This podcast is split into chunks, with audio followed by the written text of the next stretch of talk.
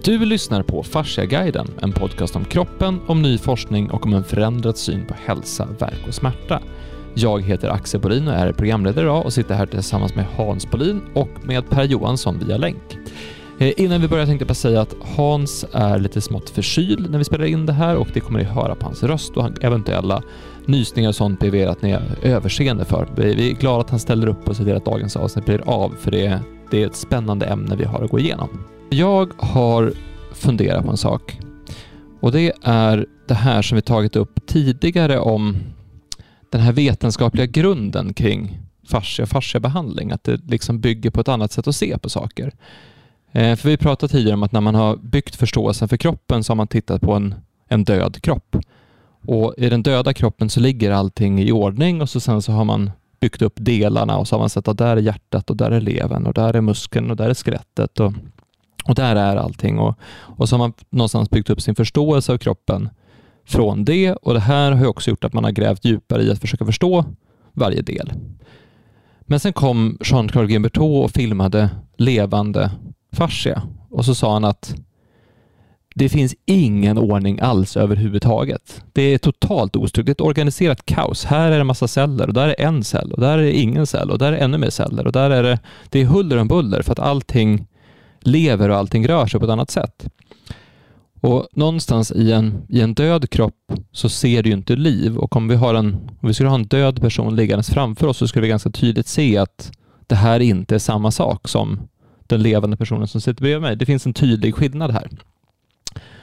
Men om man tittar på en död kropp och bygger upp hela sin kroppssyn utifrån det, jämfört med om man ser en levande kropp och bygger upp hela sin kroppssyn utifrån det, då borde det leda till olika sätt att tänka på. Och det är här det som jag... Gjort. Ja. Rent historiskt har du ju gjort det. det. Jag kan bara upprepa vad du redan har sagt och vi har varit inne på i, i något tidigare program. Alltså den västerländska medicinska traditionen bygger på obduktion av döda kroppar. Det började så. Den moderna medicinska vetenskapen började inte, inte bara så, det fanns flera aspekter som kom in i det hela, men en av de viktigaste sakerna var just dissektioner. Äh, väldigt noggranna äh, dis dissektioner. Och, och, äh, det har ju bara for, fortsatt då. Dissektionerna går ju nu ända ner in i, på molekylnivå kan man säga. Det är ju inte dissektioner i samma mening, men det är, det är ju det är ju liksom i samma riktning. Så man kan ju bara dissekera röda, döda kroppar egentligen. Mm. Så eh, det betyder att grunden för hela den moderna medicinska forskningen är en förståelsen förståelse som bygger på de kategoriseringar man kan göra utifrån att man förhåller sig till döda kroppar. Och just kategorisering är viktigt här, för i en död kropp är, är ju de olika organen som man ser på dem i västerländsk eh, kroppsförståelse vetenskaplig eh, klart urskiljbara och separerbara. Man, det, det, är inga problem att se vad, vilket organ som är vad. Och så är det på sätt och vis också när man är i kirurgi nu för tiden och tidigare när man opererar så ser man ju också, ja men där hjärtat är ju ingen annanstans än där hjärtat ska vara. Det är ju hjärtat och det ser ut så här och det har de och de blod, blod kärlen och nervförbindelserna och så vidare. Allt det där måste man ha detaljerad stenkoll på om man ska kunna operera så att patienten överlever. Oavsett vad man opererar. Så den sort, det, det är inte så att den sortens förståelse och kategorisering som bygger på att man bokstavligen ser organen, de är där de är så att säga. Det är inte så att det är fel. Men man, det som kan ställa till det, det är att det leder till att man vänjer sig vid ett tänkesätt som bygger på en i grund och botten statisk kategorisering av saker och ting. Alltså observationerna av orörliga, i princip, om vi pratar om dissektioner och den grundförståelsen. Kategoriseringar som bygger på orörliga, tydligt synbara organ betyder att man Alltså kategorisering är ju grund för hur man tänker. Det är därför jag betonar det här med kategorisering. Hur man kategoriserar saker och ting är grunden för hur man sen kan tänka. Så att om ens grundläggande kategorisering bygger på klart urskiljbara organ som framförallt förstås utifrån dissektion av döda kroppar i vid mening då. Det gör det i princip, om man ska vara tydlig, omöjligt att tänka på rörelse i sammanhanget. Mm. För man ser ju inte rörelsen där. Mm. Och man förnimmer inte rörelsen. det, det, är intressant. Eh, så det här är en historisk bakgrund till, till en väldigt statisk kategoriseringsgrund för vår kroppsförståelse i modern syn på kroppen. Men eh, det är också intressant att jämföra då med andra traditioner. Jag har tidigare nämnt traditionell kinesisk medicin och det finns en del andra liknande traditioner på annat håll. Där är ju seringen helt annorlunda. Det är det som, om, om någon får för sig att börja studera traditionell kinesisk medicin och innan har lärt sig den västerländska och som vi, de flesta av oss har någon uppfattning om också, om en ytlig. Det första som slår en är ju att vad 17 vad konstig organuppfattning de har. De pratar om njurarna. Ja, okej, okay, jag vet ju var njurarna sitter och hur de ser ut och vad det är för någonting. Men när kineserna pratar om njurarna i det sammanhanget så pratar de långt ifrån bara om själva njurarna, utan mm. om alla möjliga ställen i hela kroppen. Mm. Ända ut i tårna och, och på andra ställen. Och, och, så, så, att man, man fattar liksom inte... Det är uppenbart att det är en annan kategorisering då. Mm. Eh, som, som, en parentes, man nämner inte ens hjärnan i sammanhanget. Eh, du ska inte gå in på anledningen till det, men alltså det här med kategorisering, vad bygger deras kategorisering på? Det är det jag vill ha sagt. Mm. Deras kategorisering bygger på förnimmelser och erfarenheter och observationer av levande människor, inklusive en själv. Och det är det som är grunden till att man säger att eh, njurarnas funktion har inte bara med själva njurarna att göra, utan det har med alla olika delar av kroppen som njurarna på något sätt relaterar till. Mm. Och det gäller de andra organen som man urskiljer också, som hjärtat och, och mjälten och, och, och så vidare. Och, och, alla de är bokstavligen i det kinesiska sättet att se utspridda i hela kroppen. Fast mm. inte oordnat eller kaotiskt, utan njurarna är spridda på ett visst vis och mjälten är spridd på ett annat sätt mm. och hjärtat på ytterligare ett sätt.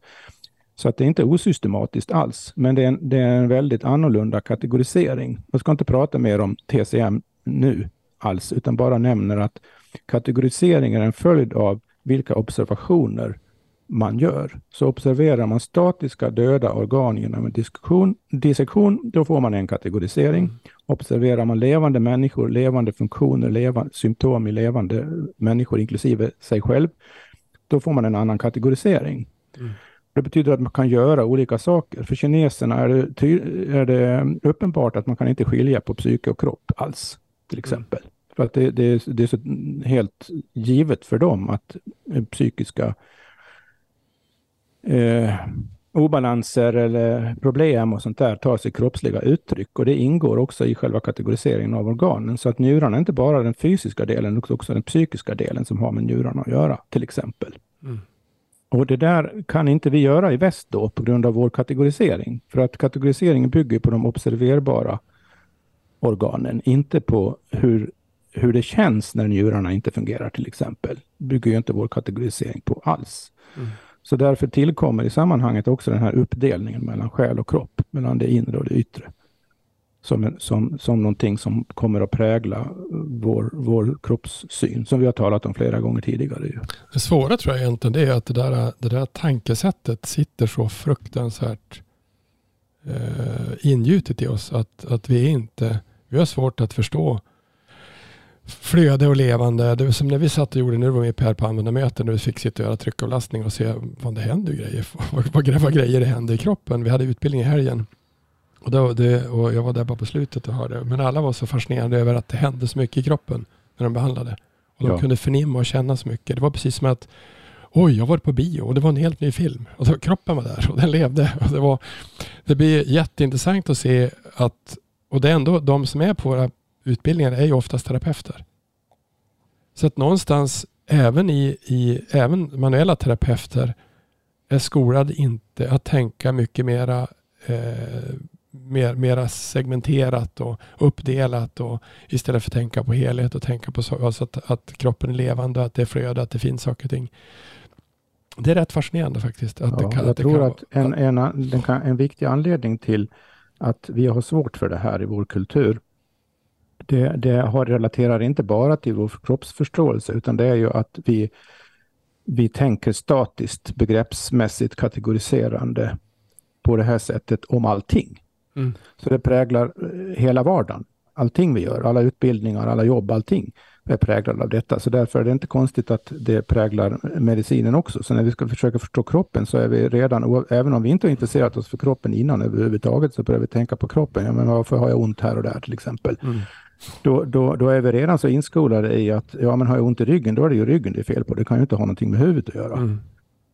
Så, så, och, och, det följer inte av att av, bara av den här kroppsförståelsen då som har den här historiska bakgrunden, utan det följer av att hela vår kultur är helt genomsyrad av det här statiska kategoriserandet av allting hela tiden. Mm. Vi är så uppväxta i det, så det är som luften vi andas nästan. Mm. Ja, man brukar säga att det som man tror på påverkar det man tänker. Och därför vi, jag lyssnade nyligen på avsnitt två av Affärsguiden igen. Mm. Och då pratade vi just om den här tankemässiga bakgrunden att eh, separera medvetandet från kroppen, alltså separera det inre från det yttre. Jag tänkte du ska få ta det igen Per om en stund, men, men just den här att från början så var det ju, som vi pratade om i det avsnittet, att man gjorde det för att man, för att man fick. Alltså att man fick inte göra på ett annat sätt, för medvetandet var kyrkans. Så mm. för att studera ut, eh, omvärlden, för att hålla på med naturvetenskap var man tvungen att ta bort medvetandet från det. Eh, men jag tänkte för att knyta an till temat igen så kan man ta samma sak fast med det här andra temat. Det är att visst, man tog bort medvetandet, men man tog också någonstans bort det levande ur aspekten. Alltså den, ja. den levande människan, man studerar ju snarare döda element och ett, ett exempel på det är ju om du tar, inte döda, men, men från ett dött perspektiv.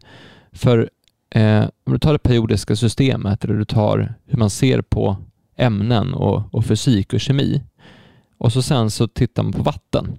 För vatten beter sig inte som alla andra ämnen. Det har vi konstaterat tidigare. Men då har man istället för att fascineras för vatten så har man lyft bort vatten och sagt att vi förstår allt det andra och sen fungerar vatten annorlunda. Men vatten är ju en av de mest fundamentala sakerna för liv på den här planeten. Mm. Så man har återigen lyft bort livet för att kunna studera saker och förstå saker, men utan livet. Och Jag brukar ta det när vi håller föreläsning att när man studerar kroppen så brukar man ta bort, man brukar studera manskroppar istället för kvinnokroppar därför att annars är det en massa hormoner i vägen. Men det är ju de hormonerna som är i vägen som är livet. Och när man tittar på, på kroppen utifrån ett flödesperspektiv istället, där man ser att eh, vätskeflödet påverkar den faktiska strukturen. Och den faktiska, när, när, när flödet passerar genom en struktur i kroppen och drar i en kollagentråd så kommer den här kollagentråden dra i cellkärnan och säga åt cellkärnan och DNA vad som ska tillverkas Alltifrån vilka typer av celler som ska tillverkas men även vilka hormoner som ska släppas lös, vilka nervsignaler som ska aktiveras. Så att flödet i sig säger faktiskt åt alla system vad de ska hålla på med. Och det är mängder av system och det är superkomplext. Men så det, man kan inte förstå kroppen utan att förstå flödet. Mm. Och det, det är intressant så, ja. här också rent vetenskapligt, för det har också med disciplinernas relation till varandra att göra. När, när, när, när, du pratar om flöden på det här viset så är det om man, om man tänker som en fysiker då så förstår man ju att, ja, vad är, vad är det du pratar om? Ja, det är någonting som i fysiken kallas för flödesdynamik till exempel. Mm. Och det där finns det ju forskning om och ekvationer för och allting. Man förstår liksom hur flöden beter sig ganska bra, kan beskriva det. Mm. Men just den, den fysikaliska, rent fysikaliska förståelsen då, Eh, är inte en självklar del av den medicinska forskningen, utan där, där är det väldigt mycket fokus istället på molekylära reaktioner av olika slag, proteinstrukturer och, och, och, och sådant. Och, och hur, hur, generna fungerar rent molekylärt i förhållande till olika andra eh, ämnen och processer i, i kroppen. Så att den, här, den här man skulle kunna säga storskaliga typen av frågor som har med flödesdynamik att göra för att förstå vad som händer. Det är inte helt självklart att det är en del av, av uh, spetsforskningen inom medicin. Mm. Men, men, jag tänkte för... Eller skulle du säga någonting Hans? Nej, nej. nej. Eh, för det, det kanske är bra att repetera det här med inre och yttre så att vi, folk vet vad det är nu om vi ändå ska prata om det här i 40-50 minuter till. Eh, men samtidigt Per har ju du hållit på nu ganska många år vid sidan av i podden Myter och Mysterier pratat om det som ni kallar för det levande som princip. Ja. Alltså det, för det, det som jag vill testa, det som jag tror, det som jag har fått en känsla för, det är att man har plockat bort livet. Och så från, från, från hur vi ser på saker så har vi tagit bort livet eller lagt en parentes runt livet och så har vi byggt upp en värld som är baserad på, på döda principer. Eller samhällen som är baserade på döda principer hela, och sådär. Och det är så intressant att se utifrån, om du berättar om inre och yttre, men se om du kan få in det här med det levande i det tankesättet. Det är två, egentligen två olika saker här. Det är frågan om det levande och flöden och rörlighet och förändring. Det är en, en typ av frågeställning här. Den andra typen av frågeställning har med det inre och det yttre och uppdelningen att göra. Och det är två olika frågeställningar. I praktiken eh, går, de, går de in i, i varandra i sina konsekvenser. Men om vi tar dem en i taget. Om vi tar det här med inre och yttre. Så eh, den historiska bakgrunden till det är den naturvetenskapliga revolutionen på 1600-talet och framförallt eh, i vilken hög grad man tände till på Descartes förslag här, René Descartes, filosofen, som föreslog att man skulle dela upp eh, synen på verkligheten i två delar. Så att man hade två olika verkligheter som i och för sig hängde ihop, men det var eh, och det, nämligen det inre och det yttre, nämligen yttervärlden så som vi observerar den med synen framför allt. Att någonting som befinner sig utanför vår inre upplevelse. Så att han skilde på den inre upplevelsen i sig, inklusive tänkandet och matematik och, och, och, och, och liksom alltså det rena tänkandet och den rena känslomässigheten, den rena upplevelsen av saker och ting. Det var en sak, det här vi upplever inne i oss själva, som oss själva så att säga. Det är den ena halvan av verkligheten. Den andra halvan av verkligheten är det vi ser utanför oss. Så det första är då den subjektiva verkligheten och det andra är den objektiva verkligheten. Det här vi kan, kan se. Och genom att skilja radikalt på det så kunde man säga att hur vi känner i förhållande till någonting och hur vi spekulerar om någonting är inte automatiskt relevant för att förstå det där vi ser utanför oss själva. Så om vi koncentrerar oss bara på det här vi ser utanför eh, så räcker förståelsen av det väldigt långt för att förstå världen. Den, där, ut, I yttervärlden kan du ju mäta. Du kan ju till exempel, om vi tar bara sådana enkla saker som längd och bredd och sånt, så kan man ju med, med något mätverktyg mäta, ja men det och det är si och så långt och det är si och så långt borta och så vidare. Mm. Och det där går att översätta även faktiskt till rörelse. Hur lång tid tar det för någonting att flytta sig från det ena stället till det andra? Och var befinner sig det som rör sig i förhållande till tänkta olika plan, liksom horisontalt plan, vertikalt plan och så är det någonting som rör sig i förhållande till de planen. Då kan man beskriva det matematiskt och det kom också Descartes på hur man skulle göra det. Det är det som kommer att kallas analytisk geometri som är grunden för koordinatsystem som vi känner väl till allihop, hur de mm. fungerar. Så det hänger också ihop med den där den sortens eh, förståelse, matematisk och vetenskaplig förståelse eh, som relaterar till mätningar. Det hänger också ihop med den här uppdelningen av inre och yttre. För att du kan ju inte mäta hur intensivt du känner någonting eller upplever någonting som viktigt eller meningsfullt. Det går inte att mäta. Det går inte att ta fram en linjal och säga ja, men du, har, du har, upplever nu en intensitet här på 12 centimeter eller 12 någonting. Mm. Det, det, det, det, går ju liksom inte. Va? Så det är uppenbart att det går bara att mäta det man kategoriserar som yttre. Man kan inte mäta det som man kategoriserar som inre. Upplevelserna går inte att mäta. Och, och det, det, är därför vi i vetenskapen nu stöter på fenomen som, när man pratar om vetenskap och vetenskapliga resultat, så kan man få höra att ja, men nu har vi mätt upp här eh, halten av den och den kemikalien och den tycks leda till att eh, folk blir deprimerade. Så då, då har man alltså i yttervärlden objektivt eh, kartlagt hur en viss moleky vissa molekylära förlopp fungerar och vissa molekylära ingredienser. Och det är ju yttervärlden i form av experiment av olika slag. Så man kommer fram till att den och den kemikalien verkar ha den och den effekten.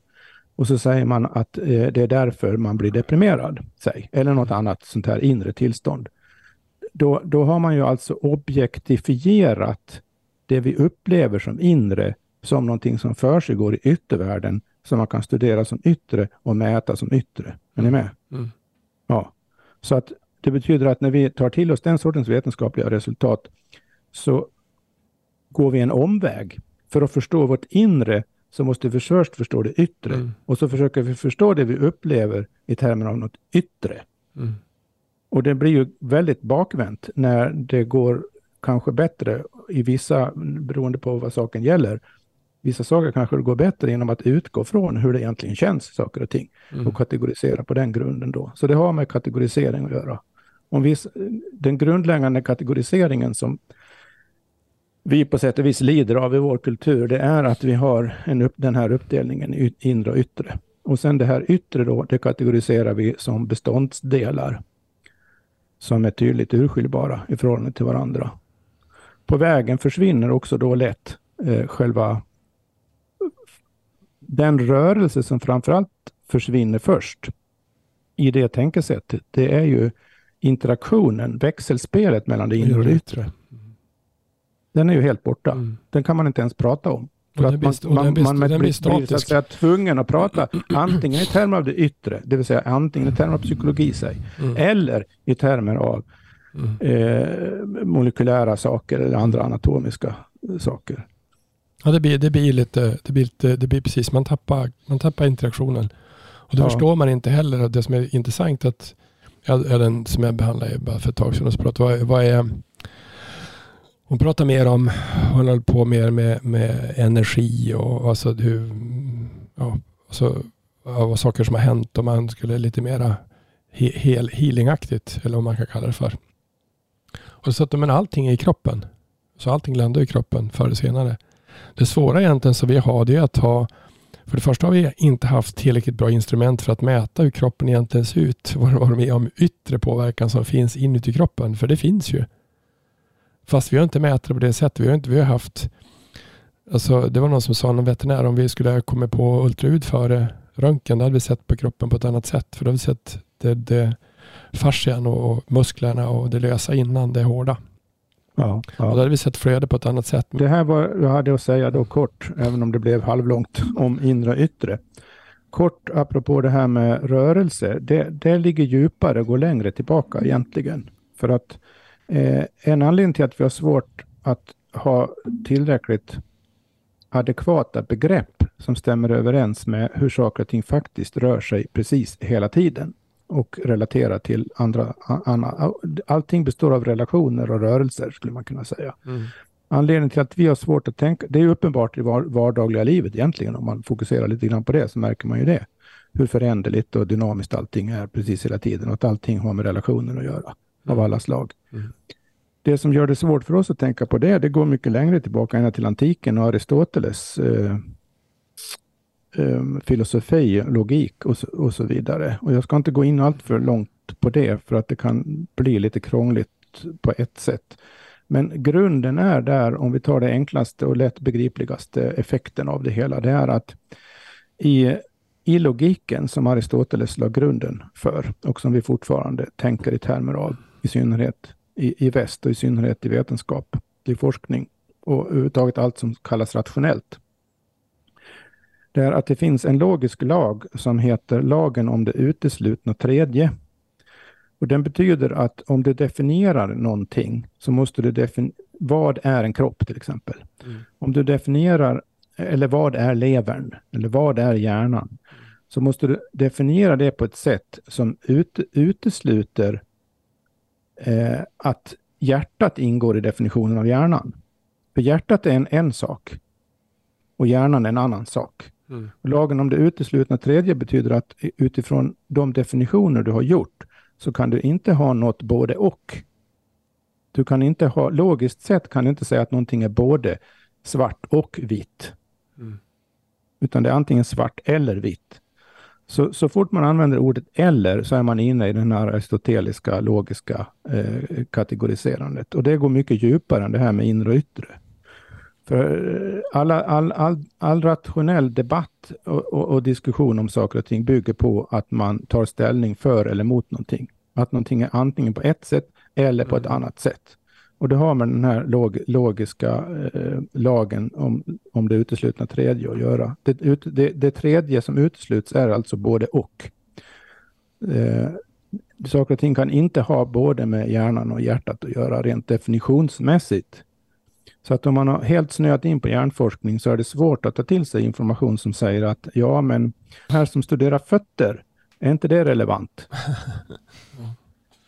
nu hårdrar det lite grann och spetsar till det lite grann. Men alltså, det, det, går igen i vardags, vardags, vardagen också det här. Jag menar hur många, hur många, många diskussioner mellan människor handlar inte om att man förutsätts ta ställning för eller emot, Emot, någonting. Precis. Man kan inte säga å ena sidan och å andra sidan, ja men under de och de omständigheterna när det är så här, då, då, då gäller detta. Men om omständigheterna är anno- annorlunda, ja då gäller något helt annat. Det som är bra i ett sammanhang är dåligt i ett annat sammanhang. Man kan inte säga att någonting är bra i alla sammanhang, eller dåligt i alla sammanhang, eller gott i alla sammanhang, eller ont och så vidare. Mm. Man, men hel, hela vårt invanda sätt att tänka är att vi måste skil, skilja på saker och säga, ja men antingen är det det, eller också är det det där. Mm. Och, och så fort någonting kräver av oss att vi förstår att det är både och, då blir vi helt stumma och vet inte hur vi ska tänka. Mm. Och förändring, rörelse, relationer har ju med, går ju inte att try- trycka in i de logiska uppdelningarna. Det går ju inte. Så det där går ännu, det är den djupaste anledningen som jag ser till att vi har så svårt att tänka i termer av förändring och rörelse.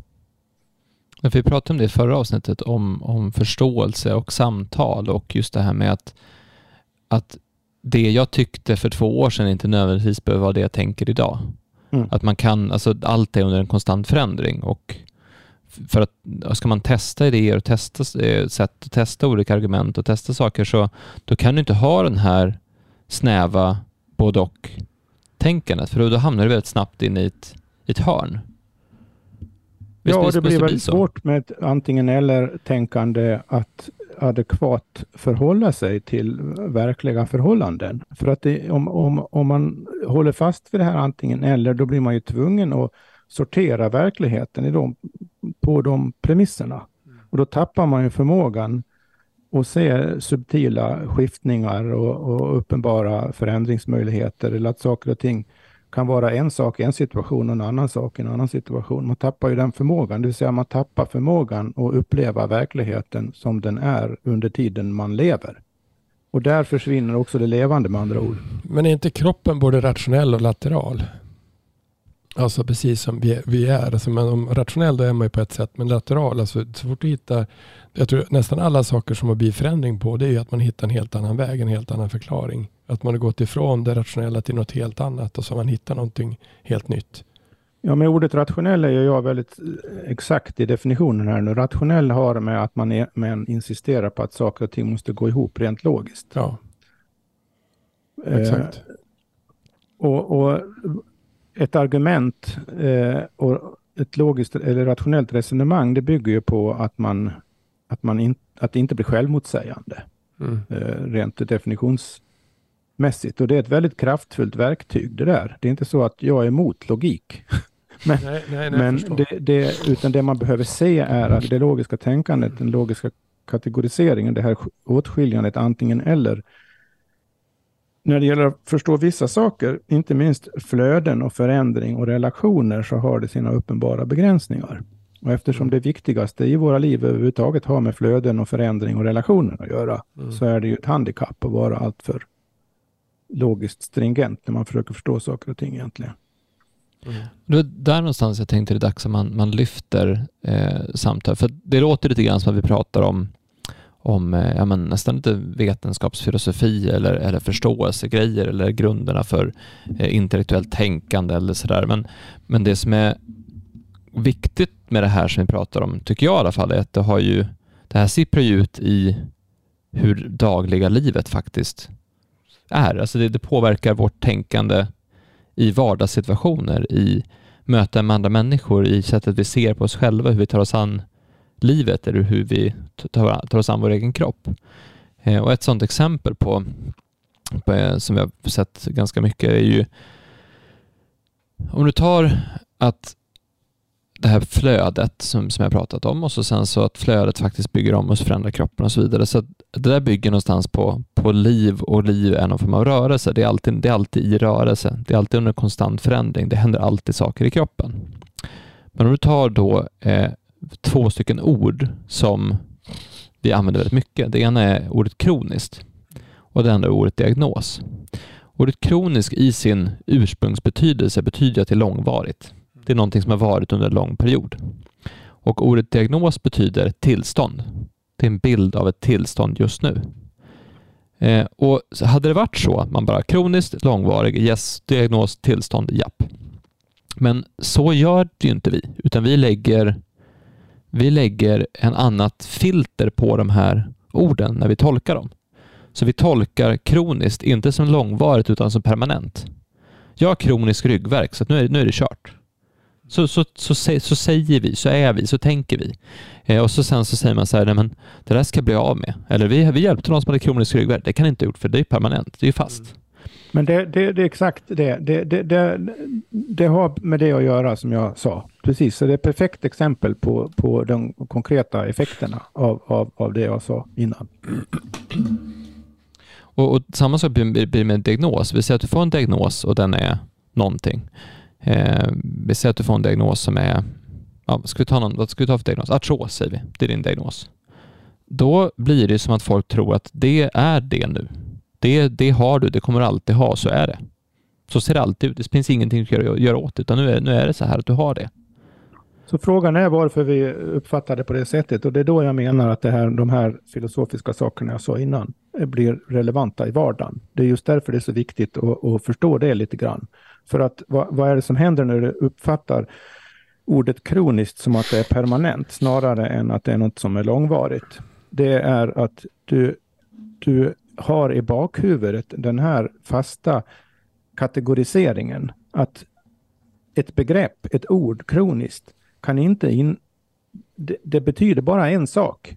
Antingen är det kroniskt och, eller så är det inte, inte det. Och är det kroniskt så så är det permanent. Du kan liksom inte, var, var, varifrån kommer föreställningen att någonting som är långvarigt är permanent? Varför tänker vi så överhuvudtaget? Var kommer den impulsen och få den tanken ifrån? Och då menar jag att den kommer från den här vanan som sitter så djupt så vi är omedvetna om den. Vanan att föreställa oss att vissa ord eller substantiv av det här slaget, de de betyder en sak. En oföränderlig sak.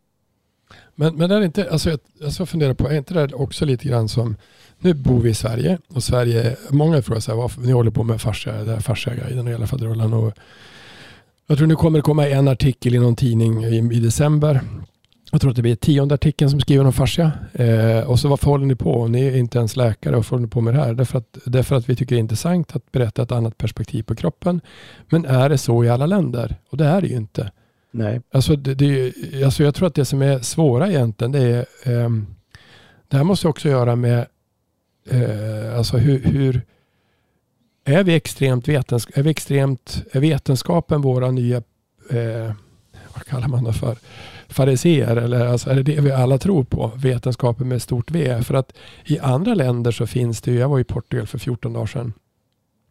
Eh, jag träffade inte många portugiser, några stycken i sig, men jag träffade några som var från England. Och, eh, då satt jag, vi satt på en japansk restaurang och skulle Uh, och så sa han så här, var är ni ifrån? Är ni från, han frågade var vi var ifrån. Vi var från Sverige, från Finland. så det, låter, det låter ju inte lika i och för sig. Men, men kanske var något ställe där man pratade mycket finlandssvenska. Du sa att vi var från Sverige. Och så började jag prata med dem. Han bodde i, bodde i Cascais där och, och sen så hans fru hade ont i något knä och hade ont i något annat ställe. Så, men, då berättade jag om fascia, vad det var för någonting och att, att kroppen läker artros och det är inget problem med sånt utan det är bara det funkar allting och man får sätta fart på det. Och så kom till mig imorgon ska jag behandla det för jag hade med mig maskinen, jag har alltid med maskinen. Så jag hade med mig maskinen så att, och sa, ja, men är det säkert? Jag kom imorgon, du sa han. Så hon smsade mig och så kom hon dagen efter. Och så behandlade jag, jag och han behandlade henne i hotellrummet. Hon tycker det var mest fascinerande vad de tänkte. Om inte jag varit på middag igår så hade jag fått lära mig allting om fascia. Och hon tycker det var jättehäftigt. Det var som ja. inget problem. Eh, eh, och det är samma sak man var i USA och träffade någon där. De är mycket mer öppna på ett annat sätt. Så någonting måste ju ligga också i, inte bara i kinesiskt och västerländskt, utan också i vilket land är man i? Hur lätt är det att, ja, att prata om saker? Det, när det gäller de här extrema varianterna av det västerländska så är vi världsmästare i Sverige tyvärr. Ja, eller hur? Och det har ju sina historiska orsaker det, det också. Det blir för långt att gå in på det nu. Det, det är rätt så komplext e- egentligen. Men det, det, det, det gör vi avsnitt två av Farsägaren. Det, det har både det har både historiska, allmän samhälleliga eh, orsaker och faktiskt ekonomiska eh, orsaker i stor utsträckning just i Sverige. Att det är så stelbent och, och, och här mycket. I avsnitt 49 av Fasciaguiden så pratade vi om vår grundläggande sätt att se på kroppen och läkning och människan och överhuvudtaget sådär. Ehm, just som ett intro till varför vi gör det här. Och då landade vi i en, i en sak som jag gärna skulle prata mer med dig om Per, eller som vi kan prata mer om nu. Och det är Alltså vi som, vi som kultur, och då kanske kommer in på det här med Sverige då, det kanske inte bara är västvärlden utan framför specifikt Sverige. Vi, vi törstar någonstans efter mirakelkurer och universella lösningar. Så vi vill gärna ha någonting som bara ska funka. Ge mig ett piller så blir det bra. Eh, men samtidigt är vi jätteskeptiska mot något som verkar för bra. För det är någonting vi ofta får en kommentar kring. Bara så här, eh, ja, men, så där bra kan det inte vara eller, eller så. Och det intressanta med det där är ju att, att eh, när vi, det här sättet att se på oss som objektiva varelser eller som siffror i, i en vetenskaplig metod eller som, som döda egentligen på ett sätt är att man, man ser nästan som att alla människor är exakt likadana. Alltså alla människor är exakt likadana, funkar på precis samma sätt. Allas immunförsvar är samma. Allas sätt att ta emot en, en skada på är samma. Allas sätt att påverkas på är detsamma. Vi är exakt likadana. För det, det är ju det utgångspunkten egentligen som universallösning eh, ska komma från, att det här ska vara något som funkar för alla. Men så vet vi ju att det inte är. Alltså varje människa vet att det inte är så. Man vet att man är unik. Jag vet att, att jag till exempel är ganska lugn när jag spelar in podd medan Camilla är jättenervös. Det, eller eh, någon kanske tycker det är jätteskönt att stå på scen medan någon tycker det är det värsta som finns. Eller någon tycker att alltså vi påverkas väldigt mycket olika av olika saker. Och där är det varför är det så? Alltså varför vill vi så gärna ha de här mirakelkurerna, universella lösningarna och varför är vi samtidigt så skeptiska mot dem när de kommer? Ja, jag tror, jag tror att det som är, precis som du har sagt, så jag tror att det är svår, Det svåra egentligen är att, att, att det, det är att vi inte tänker på kroppen, att den är en helhet, att vi är med om allting, att det finns massa saker som, som beror på. Att vi har svårt att förstå att eh, alltså, till, till, jag hade en, en kille som var, eh, var jätteduktig på att vara elitidrottsman. Och han hade varit med om den ena smällen efter den andra. Alltså smäll, smäll på smäll på smäll på smäll på smäll på smäll. Och han var inte så speciellt stor i en kraftsport. Alltså att han vägde kanske 20 kilo mindre än alla sina medspelare. Till slut blir det där väldigt mycket kropp, alltså väldigt mycket för kroppen att ta tag i. Att hela tiden eh, åka på smäll på smäll på smäll på smäll. Och han vill ju det. Alltså hans vilja vill ju det. Men till slut säger kroppen att nu räcker det. Det går inte längre. Alltså det, det är för mycket. Och då, då han har ju svårt att förstå att, att trots att han var med om alltså övergrepp på övergrepp på övergrepp på övergrepp så ville han, tyckte han fortfarande roligt att, att hålla på med den här idrotten. Men kroppen säger att ja, vi orkar inte längre. Du är för liten och du har helt fel inställning till det. går inte. Det där, den där att, att, det, att, att anatomi och upplevelse sitter ihop, det har vi svårt att förstå. Men på, samtidigt, vi har ju svårt, det är, så, det är som så konstigt att, att man inte förstår att det är så. Om, om, jag, om, jag, om jag har ett, ett jobb som jag tycker är skit och så tycker jag att det är skit och så tycker jag att det är skit och så kör jag på i alla fall. Och så kör jag på i alla fall. Till slut kommer kroppen säga ifrån, vi orkar inte med det längre.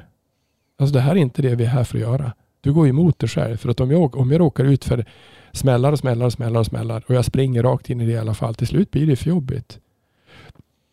Eh, och det, det är just det att, att det, när man förstår helhet på det sättet och då, då är det också då tar, kan det ta längre tid att, att vända en, en, en, en läkning. Samtidigt kan det gå fruktansvärt fort. Det kan gå jättefort och det kan gå jättelångsamt. Men det beror på, går det jättefort, om jag vill släppa allting som är och ja, men vi gör så här istället. Då kan det gå fruktansvärt fort. Och då blir det ett mirakel. Men det är ju kroppen som är ett mirakel. Det är, du som är, det är den som är ett mirakel. Och den är ett mirakel. Om det föds så mycket celler varje dag och det, eller varje sekund och det bildas så mycket saker, så många interaktioner, så många saker påverkas. Om man kan ändra det och huvudet som är med, som egentligen viljan är med på det. Då kan det gå väldigt fort. Men jag tror att det, det, det, är, det här första exemplet som jag pratade om, han som var med om en idrott som har kört för långt. Han, han kommer ta jättelång tid att förändra. Jag tror att de har, har hållit på med henne en massa gånger nu och det, det, han har varit överallt. Det kommer jättelång tid. Därför att han vill inte förstå förändringen. Han vill inte förstå vad han har varit med om och då blir det svårt. Den andra som jag berättade om, en annan som jag var med om, det var, det var i USA och det, den, den, hon vart bra på en kvart. Hon hade krockat med en buss. Så att allt beror ju på, allt beror ju på vad man har varit med om och vad det finns. Men jag tror att vi har svårt att förstå eh, att anatomi är även upplevelser. Eh, och de sitter ihop. Jag tror man behöver skilja på universalmedel och mirakelkurer. Ja. Eh, mirakelkurer, om, om man förväntar att, att någon sorts har inte mirakelkurer, alltså vad ska vi säga, kalla det? Önskan efter min mirakelkur är väl just det, en önskan, en förhoppning att man man vill att det, man snabbt ska bli av med no någonting. Mm. Och, och, och det är cykelreparatören igen.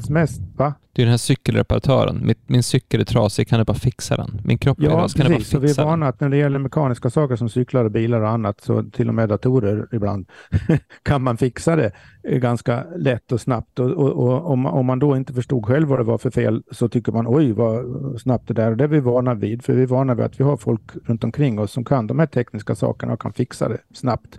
Och så kommer vi till sjukhuset till exempel och då tycker man ja det är väl en massa teknik det också. De har väl koll på mm. tekniken och vetenskapen och så vidare. Och, och, om kroppen är en maskin och kan förstås på det sättet så ska man väl kunna laga den också. Eh, och så, men vi vet ju samtidigt erfarenhetsmässigt att det sällan är så när det gäller kroppen då. Mm. Och, och där, därav skulle jag säga att skepticismen mot mirakelkuren när det gäller kroppsliga åkommor kommer därifrån. Att vi, vi, trots allt de flesta av oss erfarenhetsmässigt vet, eller åtminstone har, våra upplevelser säger oss, erfarenheter säger oss att oftast går det inte att fixa snabbt. Mm. När det sen då ibland går att fixa snabbt så kanske vi blir skeptiska just av den anledningen. Och, och, men det är ju en, det är en skepticism i det fallet då när någonting faktiskt bevisligen har blivit botat snabbt. Mm. Skepticismen mot det har ju att göra med att vår skepticism egentligen visar det sig är grundad i, och det är väl lite grann det du menar antar jag Hans, är grundad i en felaktig uppfattning om vad kroppen är för någonting. Mm. Så, så det, det är väl vad vi kan säga kort tror jag om, om, om mirakel. Det, det, är intressant på ett annat sätt då det här med universalmedel eh, i relation till vetenskapen för att vetenskapen i sin, om vi tar naturvetenskapliga sättet att göra saker och ting på, förstå saker och ting på. Det går ju ut på att hitta det få fram observationer, experiment, forskningsresultat som är upprepningsbara, det vill säga giltiga över många olika fall. Mm. Eh, få fram ett allmänt mönster som, som är gemensamt för alla i någon kategori, alla möss eller alla människor eller vad alla levrar eller vad det nu är. Jag, jag förenklar jättemycket här, va? Men, men det går ut på att hitta de här gemensamma mönstren och vetenskapliga metod, metoderna är konstruerade och hela sättet att diskutera och vara oense och debattera, alltihopa är baserat på strävan att få fram de här allmängiltiga sakerna.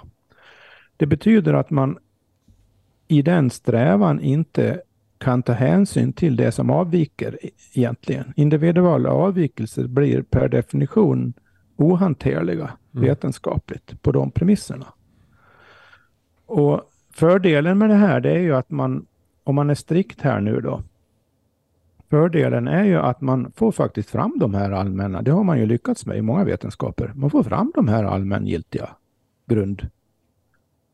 påståendena man kan göra om saker och ting. Men de är just allmänna och just därför inte automatiskt tillämpbara på varje individ om vi pratar om kroppsförståelse, medicinsk forskning. Det, det, det, det, kan aldrig ske. Problemet som uppstår här är ju nu då att att, att de flesta av oss har lite dålig koll på att vetenskapen fungerar på det här väldigt strikta viset egentligen. När den fungerar så fungerar den på det här strikta viset. Mm. Det betyder att det finns massor av saker den inte kan yttra sig om överhuvudtaget. Mm. Den kan bara yttra sig om det den har koll på. Det den inte har koll på, på de här, med de här metoderna, det kan den inte yttra sig om. Och det vet egentligen i grund och botten alla forskare värda namnet. Men allmänheten har samtidigt, eftersom Eftersom den här eh, strävan efter allmän giltig förståelse är ju kraftfull, den har ju lett till en massa eh, upptäckter och kunskaper, så blir man ju kolossalt imponerad av, av det och tänker sig eftersom man har klarat det här så måste man klara en sån här enkel sak som ryggverk. Mm. Och när man då inte klarar det så tycker man va? Då, då, så att den, den, problematiken här har att göra med att vi tror för mycket på vetenskapen. Vi, mm. vi kräver för mycket av, av, av vetenskapen och, och vi, vi, tr vi, tror att bara för att någonting är vetenskapligt så har det någon sorts förmåga att yttra sig klokt om, om, om allting. Men det har inte det. Mm. Men jag tror som du, sa, du hade upp från början berättade om vatten. Alltså det finns ju, jag tror att det som är, det som är kanske begränsning idag är att många forskare, många som håller på, de håller på på sitt sätt, på sitt, sitt område. Och du tar eh, whisky och vatten så vet ju alla som är, håller på med whisky att alltså, det, det, är ju, det smakar olika därför att det är på olika, alltså eh, single malt whisky är ju därför att det är, de är på olika ställen. Eller om du tar öl. Alltså jag var ju på vinprovning i helgen. Ja, jag, jag måste bara säga att det här var helt sjukt. Då var det bordeauxviner och så visar de hur två olika områden i Bordeaux, det var det en som ligger närmast havet och den som på andra sidan flod så, så är det en annan del då. Och så sen så det som då påverkar vinet här, alltså smaken på vinet, det här var så komplext konst så att man blir som hänförd av det. Dels är det då vilka vindar det vart det i året, så mycket salt som kom in från havet, så mycket som så. så. Eh, men sen har du då alltså vinrankernas rötter har växt in i kalksten, så om man har gått i så här kalkstensgrottor så kan man titta upp och se hur vinrankerna kommer ner därifrån. Mm. Så där hämtar de kalk därifrån. Och så sen så var det bara en, en smal sträcka av, av blålera som gick rakt genom vinodlingen och de vinrankar som växte i den leran, där smakade druvorna helt annorlunda. Mm. Och så är det olika typer av druvsorter och så är det olika typer av när de skördas och hur de processas, vilket fat de ligger på, Eh, det, det, är så otroligt komplext. Alltså det, det, är så, det är så löjligt hur komplext det är. Mm. Eh, och då ser man hur, viktig, hur viktiga alla de här små sakerna är för att det ska bli på, på si och så sätt. Så det är en jätte... Det är extremt när man väl tittar på det. Men där tittar du, där tittar du på allting. Där ja. tittar du på vatten och odling och vindar hit och dit fram och tillbaka. Ja, du vet, du vet 2016 då var det väldigt eh, mycket vindar från Atlanten så då kunde vi bara köra, då kunde vi inte köra en 100% i Cabernet Sauvignon utan var tvungna att ta en 80% så mm. var vi tvungna att lägga de här druvorna där och där för att, för att det var det årets eh, väder liksom. Det är väldigt intressant på, på det. Och det vet jag en kille som hade, de odlar potatis och hur man odlade, då tittar man ju, de hade ju mätt hur mycket, mycket vätska det faller, hur mycket hur jorden, hur, hur, hur, eh, hur mycket vätska som fanns i jorden och, och vad det var och allting sådär. Man är jättenoga med sånt. Alltså vissa saker är ju jättenoga med. Det intressanta här är ju nu då att när det gäller bordeauxviner så äm, är det, eh, om man sätter sig in lite i det hela och provar och så vidare och får veta en massa så inser man att det är, in, det är skillnad på olika vingårdar, det är olika skillnad, skillnad på olika delar av vinodlingen, det är skillnad på olika år, det är skillnad på en massa olika saker. Så det, en varje flaska vin eh, är med andra ord väldigt individuell egentligen. Mm. Eller definitivt varje skörd, men också beroende på vad, flask, var druvorna kommer ifrån och just den flaskan, i den mån man har haft koll på det. Det har man ju inte alltid, men vissa har ju det säkert. Eh, där, där har vi inga problem att, att, förstå att, och det är hela poängen med att intressera sig för vin, är, är ju liksom det, den här variationen. Mm. Men när en människa kommer till ett sjukhus idag så finns det inte ett spår av den där detaljrikedomen. Ja, det tänker inte- vi Man kan, ju, man kan ju anta att en människa är liksom lite utsatt för fler variabler än en vinranka. För där tänker jag att så här, årgången 90 som jag tillhör har ju en annan typ av eh, samhällsstörningar än årgången 96 som min bror tillhör. Alltså, nu, det låter som ett skämt, men det är ju faktiskt så. Nej men det är sant. Det finns ju hela forskningsområden som ägnar sig åt en sån, sån fråga. Men i vilken då, mån de påverkar vad som händer med en människa på sjukhus, det är ju noll egentligen. Ja. Men, men där, alltså, för jag tror att eh, det är så intressant, för det här är också ett exempel på eh, hur det yttre påverkar det inre. För du, du, du, det, det, nu ska jag knyta ihop den här säcken lite grann. Eh, nej, men när vi pratade förut om inre och yttre så sa vi att vi har försökt förstå yttervärlden och yttervärldens effekt på oss och på det sättet förstår vi varför vi mår som vi mår någonstans. Så då tänkte jag direkt raljant lite så att ja, men jag är glad därför att solen skiner, det är fredag och eh, bla bla bla. Det är inte så här jag är glad och det påverkar hur jag ser på saker utan, utan det är de yttre sakerna som gör att jag blir glad. Jag är glad för att någon sa hej till mig eller för att jag fick en kram eller någonting sånt där. Um, men det är här jag tror är när, när, när allt det här landar i vad vi tror på och vad som, vad som påverkar läkning. För det är egentligen det som vi är här för att se. Alltså vad, vad är det som stimulerar livet? Vad är det som stimulerar rörelsen och läkningen?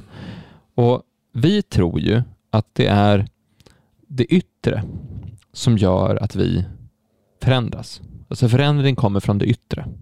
Det som händer utanför oss är det som påverkar oss. Alltså eh, vad vi får i oss för mat, vad vi är med om, vad som, eh, vad som händer i termer av trauman, vilka smällar du får, eh, vilka...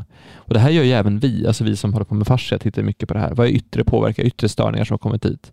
Men det, man, Det gör det ju också. det gör det påverkar också. Ja. Men det man glömmer bort är ju att det inre är ju lika mycket förändring. Alltså vad som händer inom mig har en lika stor grund till förändring. Hur mottaglig är jag för att ta emot det här? Hur mycket kan jag själv känna, släppa, tänka, eh, ändra? Hur, hur, hur, hur mycket händer i mig? För om du tar hon som, som krockar med en buss och blir bra på en kvart. Hon var ju i sig själv väldigt mottaglig för en förändring. Mm. Medan han Så hon har som... varit sjuk i tio år. Ja Alltså, men, höll ja, men det finns ju de som är Ja. sjuka i tio år som inte är mottagna för en Ja. förändring heller. Mm. Så att vad man, vad man tror på påverkar direkt hur man kan läka. Alltså vad, vad man... Det är, Vad ganska, man- det, är ganska, det, är, det är ganska intressant att tänka efter vad man gjorde för någonting. Vi satt på en restaurang, jag har sett det här Per. Vi satt på en Ja, restaurang ja, i, visst, i du har Key. West. Jag tror det med, finns med i något tidigare. Ja, vi satt där och, och, och hon, hon säger bara att du ska få hjälp. Hon går av. Alltså, tänkte bara ta det beslutet. Jag går av min, min, min, pass. mitt Mm. pass. Och så ska jag träffa någon, någon som jag aldrig träffat förut. Och så ska jag se om jag kan få behandling och se vad som händer. Det är ganska häftigt beslut att göra en sån sak. Mm. Och det är det som jag tror att man inte tänker på. Det är hur, ehm, jag tror man säger det när, när de som är, alltså hur mycket, hur mycket fria viljan, är, eh, hur viktig den är. Alltså fria viljan att, eh, det brukar jag säga ibland när man behandlar folk att en, en del, kroppen vill ha, kroppen vill alltid göra det, men kroppen vill inte att, alltså om inte den fria viljan, den som lever i kroppen vill släppa det de håller på med. Så säger, säger kroppen, då får du inte göra det. Du kan inte gå emot den som lever i kroppen. Om kroppen, så här, kroppen om vi säger att kroppen är en person. Det är det ju inte, men alltså, om du säger att det autonoma systemet det, det gör saker. Men sen så säger jag att jag vill inte göra så här. Jag vill inte, jag vill inte ändra på mig, jag vill göra så. Då, då kan, du, om du ska bota den personen och hjälpa den personen och den personen inte vill ändra sig, det blir ju konstigt. Då går du emot kroppen, då går du emot livet. Så den fria viljan har mycket mer med oss att göra än vad vi egentligen tror. Samtidigt som om du tittar på det vi sa så försöker vi ta bort allting som har med placebo att göra. Och placebo är ju, det är ju kroppen läker. Alltså placeboeffekten är ju enorm. Varför jobbar vi inte mer, mer med placeboeffekten istället för att säga att Nej, men det, det var bara placebo. Det är väl fantastiskt att det läker. Det är också Ja, lite Mm. Det är också en sån här intressant sak att, att den är den man försöker neutralisera i läkemedelsstudier, placeboeffekten. Alltså de har ju sockerpiller och hit och dit fram. Men den fria viljan, om jag vill göra saker och ting, sen kan det gå åt skogen i alla fall. Men Karl Afors sa till mig att du kan alltid visa hästen var, var vattnet är någonstans, men du måste dricka själv. Så, för det är det sådana som Mm. man måste göra det. Du måste, du måste göra det själv. Nej, men jag, jag tror inte man ska underskatta just det ehm, att ta det beslutet att gå av sitt pass, sätta sig hos den här konstiga svensken man aldrig har träffat förut och vara utsatt för någonting man aldrig inte ens visste vad det var för någonting. För vi pratade i, jag tror i avsnitt 72, vi pratade om, om, om eh, att det går, ibland går mycket lättare att behandla folk på mässor. Mm. Eh, för att det är som att då är de mycket mer avslappnade, avspända, de har inte samma eh, förväntningar på ett sätt, de kanske har druckit glas champagne, de är lite, det är en helt annan... Du har inte ens hunnit tänka efter. Nej, men så, precis. det Och så bara, så. jaha, kan man få behandling här? Ja, men vi kan behandla ryggvärk. Ja, okej, kör va. Sätt dig ner så. upp. Ja, det, det är väl bra nu. Alltså, det är som att de har liksom inte ens, de har- de har garden nere så att de är så mottagliga för att få hjälp på ett helt annat sätt och då, då får de det. Alltså det, det är helt sjukt hur, vad som har hänt på just mässor. Ja. Och det är det här, jag, jag, jag tror att man är någonting på spåret här i att man det, dels är det en dels tror jag att vårt sätt att se på kroppen som Okej, vi, har, vi har pratat om att, att, att det är byggt på en, en, en död, en uppfattning om död och att kunskapen, vår, vår bild av kroppen är att kroppen är död, inte att kroppen lever. Och Det gör att vi har svårt att se att saker kan förändras. Vi tänker att saker är statiska. Mm. Så vi tänker att tillstånden är statiska, de kan inte förändras. Det är en sak. Det andra vi har pratat om är ju att, att man tänker att det är det yttre. Jag måste ta någonting för att bli bra. Jag måste få någonting för att bli bra. Eller det är det yttre som gör att det händer någonting. Man skurit bort det inre egentligen från det. Båda de bitarna gör ju någonstans att man själv blir passiv. Mm. Eh, jag tror för något av oss pratade om att ordet patient betyder att man är egentligen mottagare eller passiv Ja. istället för att man är en aktör i det Mm. hela. Och vi har ju ett sånt här motto som vi kör i att, att jag är ansvarig för mitt liv och min hälsa. Alltså jag är den som, som, som äger min, det, det är mitt liv. Mm. Det är min hälsa och jag måste vara den som gör saker i det. Ehm, men det kanske är så att det kanske är jätteviktigt vad man tror på. Ja, det tror jag. Men jag tror, jag tror det är otroligt viktigt. Men jag tror också det är viktigt, som, som vi inne på, som du så inne från början Per, att, att se saker och ting, att förstå saker och ting. För att jag tror att när vi, när vi började, när vi skulle förklara fascia från början, så gjorde vi den här äh, reklamfilmen som var en maskin. Att det är ett nätverk utan början och slut som vibrerar hit och hit, fram och tillbaka. Och sen har vi gjort den här äh, dokumentärfilmen som, som vi var med i nu, eh, när vi fick tag i Imbertå så får man se levande fascia. Och det är fascinerande när vi kör eh, fascia-workshoppar som vi brukar göra. Det är att när de får se levande fascia, hur det egentligen ser ut. Åh, ser jag ut sådär? Då ser, åh, vad häftigt. Eller som om, när jag såg den här första, vad heter den, eh, Hubble-teleskopet, när man bara tittar på hur ser rymden ut? Eller när jag skrev till han som var i, i Electric Sky, att, eller Electric Universe, att universum ser nästan ut som fascia. Mm. Det tyckte han var häftigt. Och det tycker jag också häftigt, för det ser nästan ut så. Och när man, ser, när man får se hur, hur fantastiskt häftiga vi ser ut inuti, ser jag ut sådär?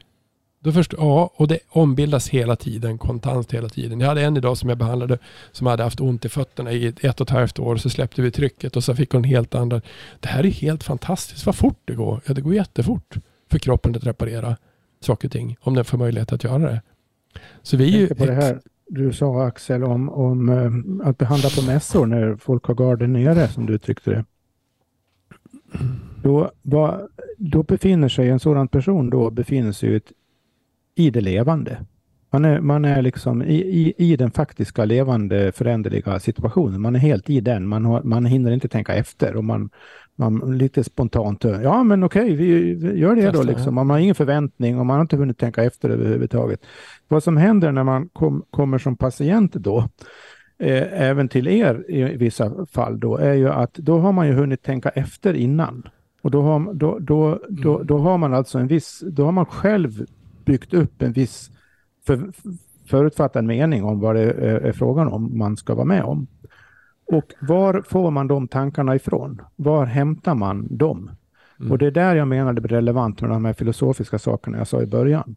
För att man hämtar dem från det som präglar ens kultur. För de Mm. flesta av oss har inte ägnat timmar och dagar och år och månader åt att försöka förstå vad sjutton har vi fått det här vi tänker ifrån egentligen som jag har gjort då. De flesta har ju inte ägnat en minut ens åt att försöka förstå var de här allmänna föreställningarna kommer ifrån. Men när man själv då ska tänka efter och automatiskt börja tänka efter inför att man är på väg till en behandling till exempel. Mm.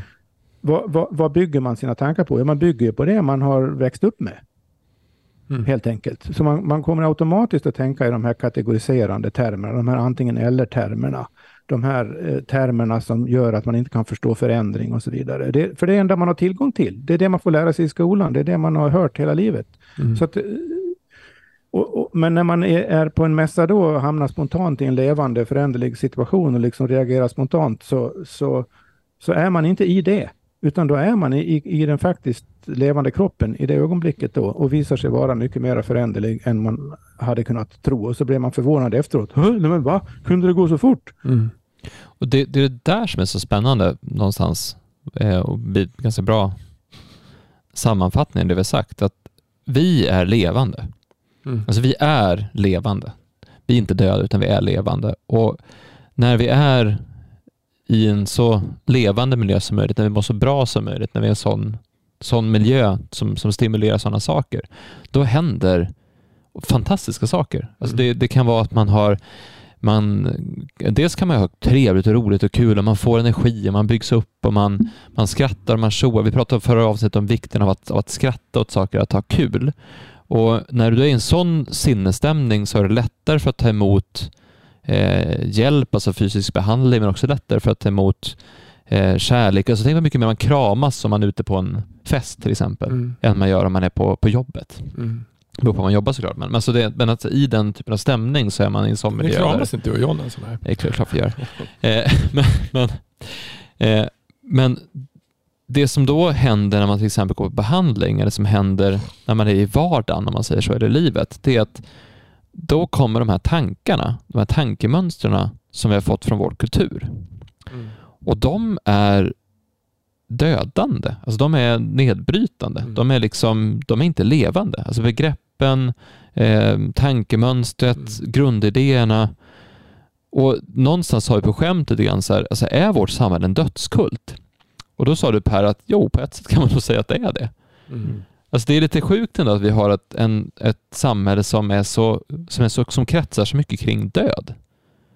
Mm. För vi är väl också Ja, ett av de... och allra minst för att uttrycka det lite mildare, det kretsar väldigt kring det som eh, är statiskt och, och klart definierbart och eh, inte föränderligt. Och vi vill gärna, särskilt i yrkeslivet, att saker och ting ska inte förändras för mycket.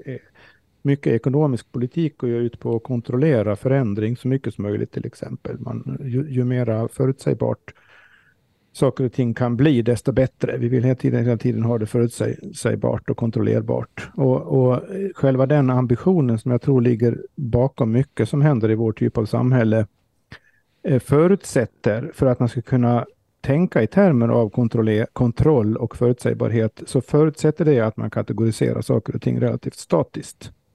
Mm. För att du kan bara kontrollera det som förblir detsamma från tid till tid så att säga.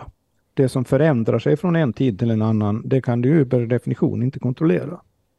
Så, så det finns en stark drift, eller drivkraft kan man säga, eh, kulturellt, ekonomiskt och så vidare, politiskt kanske, att ehm, fokusera på det som är eh, som, som inte är för rörligt och levande helt enkelt.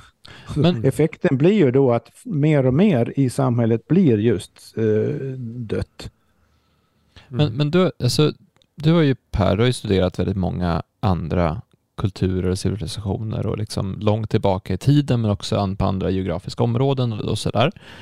Och jag har för mig att du har sagt någon gång, du får rätta mig om jag fel, att den västerländska kulturen, den som nu är dominant på våran jord, är helt unik jämfört med alla andra på flera olika anledningar. Men en, en sån är att vi Eh, vi tror inte på evigheten och vi är rädda för att dö. Nej, vi tror inte på, vi tror ju att den materiella världen som vi kan just se runt omkring oss och ta, ta på eh, i ytlig bemärkelse, liksom känna på det sättet. Vi tror att det är det enda som finns. Det är ju en, en, en sak. Den andra saken är det vi har pratat om i det här programmet, att vi, vi har av historiska skäl då väldigt svårt att verkligen tänka klokt på det faktum att allting rör sig och förändras och har med relationer att göra. Mm. Och det sista har man, är, är vi unikt dåliga på i världshistorien, kan man säga. Så att det, det, är någonting som skiljer oss från i princip alla andra kulturer som, som allihopa har en föreställning om, fast på väldigt olika sätt beroende på vad det är för kultur. Men äh, det som de har gemensamt är, är, att de på ett eller annat sätt allihopa ser saker och ting runt omkring sig och i sig och i relationer och allting som levande i någon mening. Besjälat på olika sätt. Det gör inte vi. Så det, det, det gör oss unika. Det går knappast att hitta. Man kan hitta enstaka tänkare i olika kulturer som har tänkt sådana tankar, men man, det går inte att hitta någon hel kultur som är som vi det är vi som är avvikarna, inte de andra.